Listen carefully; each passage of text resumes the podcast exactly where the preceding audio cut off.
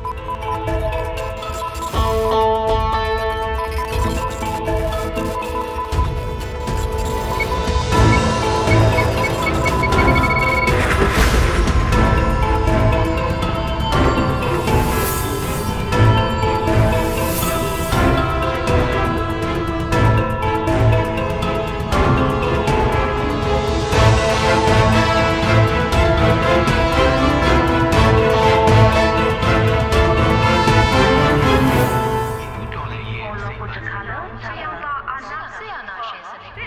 အမှုဖြစ်ပေါင်းများစွာတွေကဤဒုက္ခ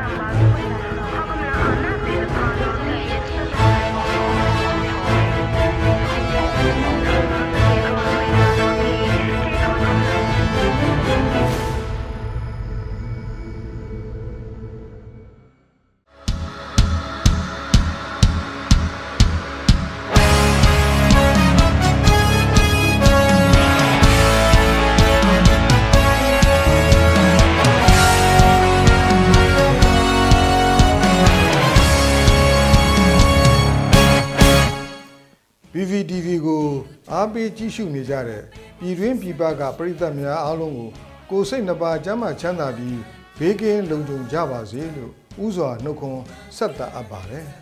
။မြမနွေဦးတော်လိုင်းရေးနဲ့အတူတသားတည်းပေါက်ဖွာလာတဲ့ PVTV ဟာဒီကနေ့တစ်နှစ်တင်းတင်းပြည့်မြောက်ခဲ့ပြီဖြစ်ပါတယ်။တနစ်တာကာလအတွင်း PVTV ရဲ့အစီအစဉ်များကိုအားပေးကြည့်ရှုခဲ့ကြတဲ့ပြည်တွင်းပြည်ပကတိုင်းရင်းသားပြည်သူတရက်လုံးကို အထူးပင်ကျေးဇူးတင်ရှိကြောင်းပြောကြားလိုပါတယ်။ပြည်သူကိုကိုစားပြုတဲ့မီဒီယာကောင်းတစ်ရက်အဖြစ်ပြည်သူကြားမှာရပ်တည်တိုင်အောင်အခက်အခဲအမျိုးမျိုးကြားကစူးစမ်းပေးခဲ့ကြတဲ့ PVTV ဝိုင်းတော်သားများအားလုံးကိုလည်းအထူးကျေးဇူးတင်ရှိပါတယ်။ဒါအပြင်ဒီအစီအစဉ်တွေကိုပြည်တွင်းမှာသာမကပြည်ပမှာပါကြည်ကြဲပြန့်ပြန့်ပုံမသိရှိအောင်ထောက်မှန်မျှဝေပေးကြသူများ သတင်းအချက်လက်တွေအသိပညာပေးအစီအစဉ်တွေအမှုပညာလက်ရာတွေကိုပေးဖို့ကူညီကြရသူများဤပညာပိုင်းဆိုင်ရာပံ့ပိုးကူညီကြသူများရန်ပုံငွေကူညီကြသူများအားလုံးကိုလည်းကျေးဇူးတင်ကြောင်းပြောကြားလိုပါတယ်မြမနွေဦးတော်လိုင်းရေးသမိုင်းကြောင်းမှာမှတ်တမ်းကောင်းများကိုခြံရစ်နိုင်အောင်ရဲ့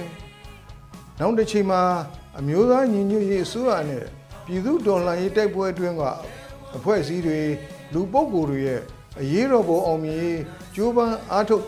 ကြပုံတွေကိုတပြေးမော်ကွန်းရေးထိုးနိုင်စေဖို့တရောင့်တနေရာကနေပါဝင်နေတဲ့ PVTV ကိုဒီထက်ပိုပြီးလုတ်ကင်ဆောင်ရွက်နိုင်အောင်အားလုံးဝိုင်းဝန်းကူညီပံ့ပိုးပေးကြဖို့လဲတိုက်တွန်းလိုပါတယ်ပြည်သူတန်တာပြည်သူအာဏာဆိုတဲ့ PVTV ရဲ့ဆောင်ပုတ်နဲ့ညီစစ်မှန်တဲ့ပြည်သူတန်တွေထင်ဟပ်စေမဲ့အစီအစဉ်ကောင်းတွေကိုပုံဖော်ထုတ်လွှင့်နိုင်ဖို့ အရေးကြီးပါတယ်။မီဒီယာဟာတိုင်းပြည်ရဲ့သရုတ်ထမှန်နိုင်ဖြစ်တာနဲ့ညီများပြားလာတဲ့မီဒီယာတွေထဲမှာပြည်သူဘက်ကရက်တည်ပြီးပြည်သူတန်ကိုထုတ်ဖော်ပေးနေကြတဲ့မီဒီယာကောင်းတွေကိုလည်းကြိုးစိုးဂုဏ်ပြုရမှာဖြစ်ပါတယ်။ PVTV သမကအာနာရှင်စန့်ကျင်တော်လှန်ပြီးတဲ့မီဒီယာအဖွဲ့အစည်းတွေ citizen journalist တွေ social media ကိုအသုံးပြုပြီးတော်လှန်ရေးကိုအားဖြည့်ကူညီပေးနေကြသူတွေအားလုံးဟာ မြန်မာ့ຫນွေဦးတော်လှန်ရေးမှာမရှိမဖြစ်လိုအပ်တဲ့တောက်တိုင်တွေဖြစ်တယ်ဆိုတာကိုယုံကြည်လက်ခံထားပါတယ်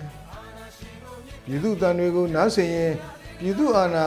ပြည်သူတို့လက်ဝဲအမြန်ဆုံးပြန်လည်ရောက်ရှိစေရေးကျွန်တော်တို့မြို့သားညီညွတ်ရေးအစိုးရအနေနဲ့လည်းအစွမ်းကုန်စူးစမ်းအားထုတ်သွားမှာဖြစ်တယ်လို့ပြည်တွင်းပြည်ပကတိုင်းရင်းသားပြည်သူတရက်လုံးကလည်းညီညွတ်ညွတ်ညွတ်လက်တွဲကြိုးပမ်းဆောင်ရွက်ပေးကြပါလို့ PPTV ရုပ်သံရဲ့တနည်း ပြည့်နှစ်ပတ်လည်အခါသမယမှာတိုက်တွန်းလိုက်ရပါတယ်။တိုင်းရင်းသားပြည်သူများအားလုံးမြန်မာနှစ်တကူခါသမယမှာရှင်လန်းချမ်းမြေ့ကြပါစေ။အရေးတော်ပုံအောင်မြင်ပြီ။